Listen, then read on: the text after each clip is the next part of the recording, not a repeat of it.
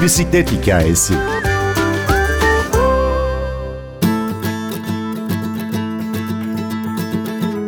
Anneannesinin vazosunu kırıp evden kaçarak çıktığı ilk uzun bisiklet yolculuğundan 3000 kilometrelik Avrupa turuna.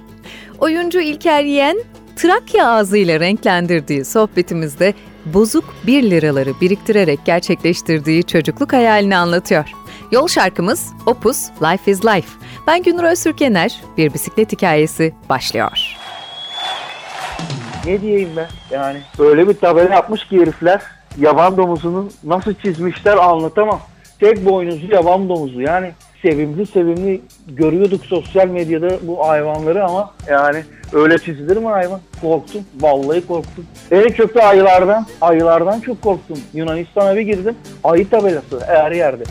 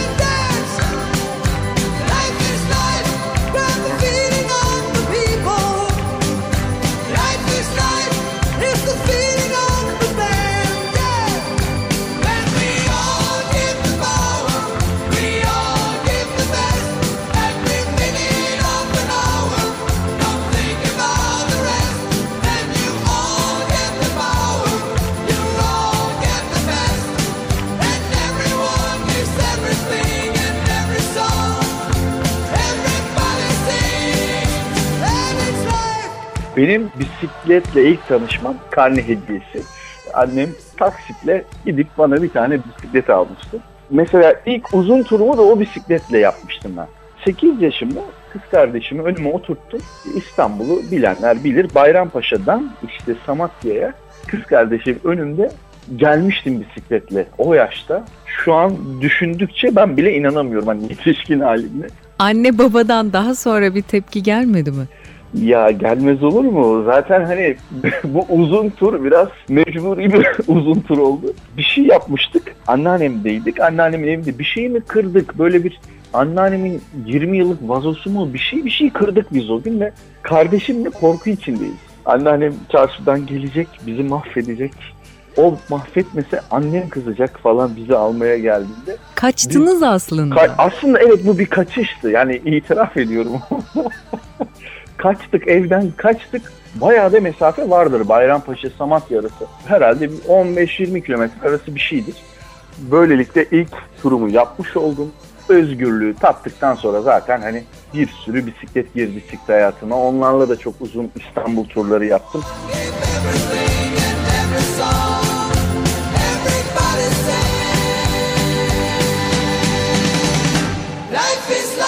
Şimdiye kadar bisiklet seni nerelere götürdü? Buradan Asos'a götürdü, Datça'ya götürdü. Marmara turu yaptım. Tam tur işte Marmara Denizi çevresi. Göller bölgesinin çevresi. Çok fazla yere götürdü. Çok güzel yerlere götürdü. Ve o gittiğim yerleri yavaş yavaş sindire sindire görme fırsatı yakaladım bisiklet sayesinde. Bu yüzden de doğayı içime çektim diyebilirim. Çok mutlu bir yaşam sürdüm bisiklet sayesinde. Bisikletle yurt dışına çıkmaya nasıl karar verdin? O aslında çocukluk hayalimdi benim. İstanbul'dan bir çıkıp Norveç'e kadar gideceğim diyordum hep kendime. Dedim ki ben bunu biraz daha minimal hale getireyim. Hamburg'dan başlayayım. Tasarladım. Otoban kenarından mı gideyim, şehirleri görerek mi gideyim yoksa gölleri görerek mi gideyim? Bu arada bunların hepsi bisiklet yollarından bahsediyorum aslında. Hani böyle bir seçenek sunuyor size Avrupa. Eşime de söyledim. Benim böyle bir hayalim vardı. Sen ne diyorsun? Git dedi hayalini gerçekleştir. Sağ olsun arkamda durdu havalimanında kutumu paketledi, bisikletimi paketledi falan. Ben böyle bir 35-40 gün bisiklet turu yaptım. Avrupa'da 3000 kilometre yaklaşık. Herhalde böyle 1 milyon dolar kazansan bu kadar mutlu olmazsın ya. Hani gördüğün şeyler, yaşadığın hikayeler, tanıştığın insanlar. Dünya muhteşem bir yer. Her yerin ayrı ayrı güzelliği var. Şimdi bir de oranın şöyle bir özelliği var. Sana ait bir yol var. O yol senin. Ve bu yolu ülkenin en iyi noktalarını görebileceğin şekilde tasarlamış adamlar. Göllerin kenarından gidiyor. Bir tünel yapmışlar. Mesela Schiphol havalimanının altından bisiklet için tünel yapmış adamlar. Bisikletliye müthiş bir saygı var. Bunun konforu içinde dünyanın en güzel köylerini, manzaralarını göre göre pedallıyorsun. Daha nasıl bir mutluluk olabilir ki? Sen Balkanlarda bir yerde bir düğün salonunun içinde çadır kuruyorsun. Orada konaklıyorsun. Evet. Onun hikayesini anlatabilir misin? İtalya'nın bitmesiyle birlikte bisiklet yolculuğu biraz zorlaşıyor Avrupa'da. Neden? İşte İtalya'da belli bir yere kadar bisiklet yolları var. Zaten Balkan ülkelerine girdiğinizde neredeyse hani hiç yok bisiklet yolu. Arnavutluk'taydım. Trenden Elbasan'a gidiyordum. Otoban gibi bir şeyin başlangıcına geldim. Baktım bir tünel. Aa dedim bu tüneli geçince şey geldim yani. O süper. Gün bana kaldı. Tünelin başına geldim. Görevli bana şey dedi. Bisiklet giremiyor bu tünele. Ya nasıl dedim hani çok az kaldı. Yani şuradan geçince gideceğim yere varacağım. Yok dedi siz dedi bu dağa tırmanacak. Haydi Grecen diye işte bir köye doğru ben pedallamaya başladım. Haritadan çok yakın gözüküyor ama hani öyle bir virajlı yol ki yukarı tırman tırman tırman tırman bitmiyor. Heyranlar düşmüş yollara. Fena bir yol yani. Benim de fobim şimşekten çok korkarım. Sonra tırmanırken bayağı yüksekti. Dağın tepesindeyim. Yolda bulut görüyorum ve bulutun içi şey şimşek çıkıyor. O kadar kötü. Sağıma bir baktım çay bahçesine benzer bir yer. İçeride de iki kişi var. Gittim vücut diliyle bayağı anlaşmaya başladık. Dedi otur biraz bir şeyler iç. Oturdum bir şeyler içtim. Sonra baktım fırtına şiddetlenince ya dedim ben hani şuraya bir yere çadır kurayım mı dışarıda. Adam dedi hayır hayır dedi sen dedi gel. Cebinden anahtarları çıkardı. Bir tane oda gibi bir yer. Bir açtı kapıyı. Sigortalara bir bastı. Düğün salonu. Ben başladım kendi kendime gülmeye. Adam şeyi gösterdi. Gelin damat masasının önünü gösterdi. Dedi buraya çadırını kurabilirsin. Ve inanın bana genel bu Avrupa'da var. Yoldaki insana inanılmaz güveniyorlar. Adam anahtarı bana bıraktı. Koca işletme orası, restoran. Dedi ki burada kal sen bu gece. Sana emanet deyip kapıyı da kilitlersin uyurken dedi. Adam bindi arabasına gitti. Bütün geceyi orada geçirdim. Yani ömür boyu unutamam bunu. Yani düğün salonunun ortasına çadır kurdum. Eşin Esra ile Karaman videolarınız çok eğlenceli. Beraber evet. bisiklet turu düşünmüyor musunuz? Şimdi Esra ile bisiklet turu düşünüyoruz tabii ama tandem bisikletli düşünüyoruz. Çünkü Esra geçmişinde bisikletle çok hani içli dışlı olamamış. Hatta bana müthiş bir sürpriz yapmıştı Avrupa'dayken. Bir uygulama var. Eğer ki ben 6-7 dakika hareketsiz kalırsam uygulama açıkken ona mesaj gidiyordu. 6-7 dakikadır hareketsiz. Bu 10. dakika olursa o bulunduğum yerdeki acil işte polisi arıyordu, ambulansı arıyordu. Sistem kendisi arıyordu bunu. Yani bir kaza yaparsam dağın başında falan sistem ben hareketsizim diye haber veriyordu konumumu. Müthiş bir sistemdi bu. Ve Esra beni görüyordu. Beni gördüğü için ben de onu görüyordum. Bir gün baktım Esra Bostancı sahiline gitti. Sürekli aynı yerde gidip geliyor. Allah Allah ne yapıyor bu diyorum hani yürüyüşe Bostancı'ya mı gitti ne yaptı falan dedim.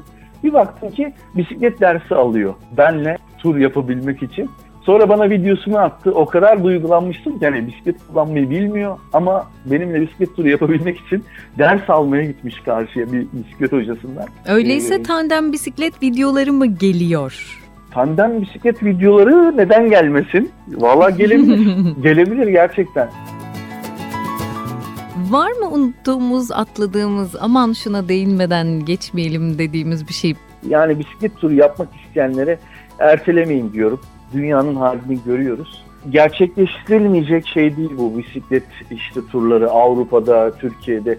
Ben bu turu mesela Avrupa turunu 1 liraları biriktirerek yaptım. Onları her ay başı euroya çevirdim. Euroya çevirdim. Sonunda işte 1000 euro çıktı. Çok istediğim çocukluk hayalimi bu şekilde gerçekleştirmiş oldum. Ben de bir hastalık çocukluğumdan beri o 1 liraları kenara atıyorum. Bu sabah attım daha.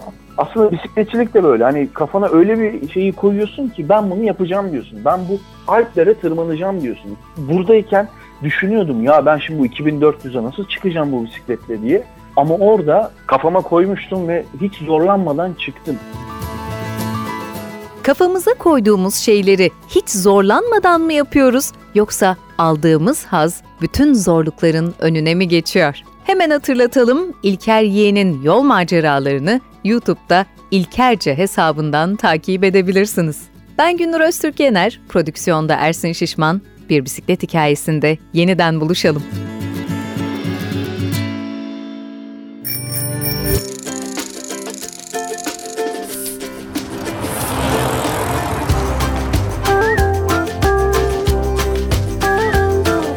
Bisiklet hikayesi.